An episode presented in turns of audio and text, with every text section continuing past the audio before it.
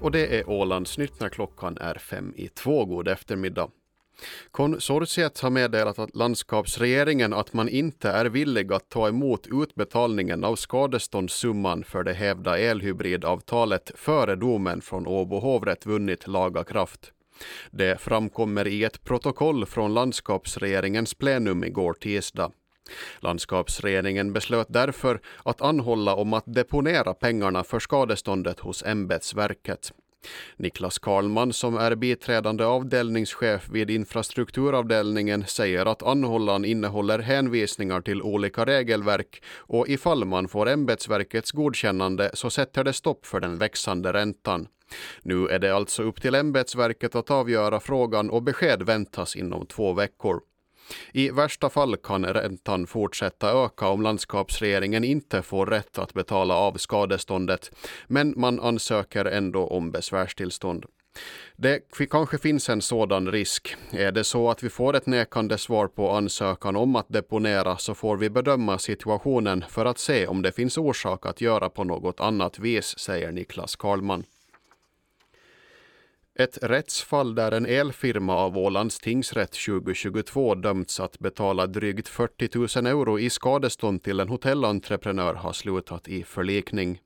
I stämningsansökan ansåg hotellentreprenören bland annat att elfirman som anställts för renoveringsarbete agerat vårdslöst och om att omfattande fel uppkommit som följd. Man menade också att arbetet inte färdigställts. Elfirman ville å sin sida att hotellentreprenören skulle betala räkningar som lämnats obetalda. Ärendet hade överklagats till Åbo hovrätt och den 6 februari meddelade hovrätten om fastställandet av förlikningen. I förlikningsavtalet framkommer att tingsrättsdomen upphävs och att elfirman ersätter hotellentreprenören med 8 500 euro. Dessutom står parterna för sina egna rättegångskostnader och man släpper övriga yrkanden och ekonomiska krav. Tasso Stafilidis blir ny direktör för Nordens institut på Åland, NIPO. Jag ser fram emot att kunna bidra till det nordiska samarbetet för konst och kulturutövarna och kulturlivet på Åland, säger Stafilidis i ett pressutskick. Den tidigare direktören Kim Larsen lämnade sin post på NIPO i september och sedan dess har Anders Berntsson fungerat som tillförordnad direktör. Tasso Stafilidis tillträder sin tjänst den 1 augusti och han har tidigare arbetat med kulturellt utbyte inom såväl den nordiska som den internationella kultursfären. Han har också deltagit i samarbetet mellan Pridefestivalerna i Norden och i Europa. Han kommer närmast från West Pride i Göteborg där han även varit chef för Göteborgs kulturfestival i åtta år.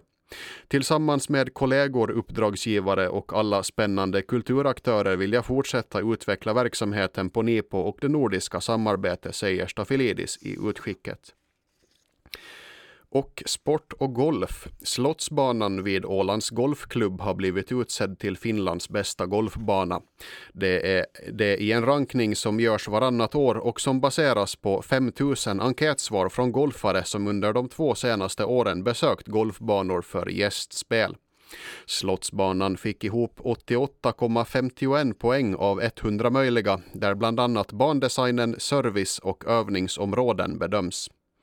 Den stora redesignen signerad av den danska banarkitekten Philip Spogård var ett, ett helt klart lyckat drag, säger klubbdirektör Björn Wenström i ett pressmeddelande. För två år sedan kom Slottsbanan på tredje plats i den här rankningen. Cirka 150 finländska banor innefattas som, och det här görs av Ottawa Media som är ett av landets största mediehus inom golfmedia. Och avslutningsvis vädret resten av dagen mulet och uppehåll och temperatur runt noll grader. Vinden är svag från sydväst och vrider till syd under eftermiddagen. Imorgon torsdag så kan det komma lätta spridda snöbyar under den tidiga morgonen och sen väntas mulet och uppehåll och till kvällen så kan det dra in dimma. Temperaturen imorgon kring 0 grader och svaga vindar från ost-sydost. Och på sjön vind omkring sydväst 6 till 10. Ikväll vrider vinden till omkring syd och avtar. I natt 2 till 6. Lokalt dis eller dimma. Och det var Ålandsnytt med mig Rasmus Karlsson. Nu är det dags för Ekonyheter.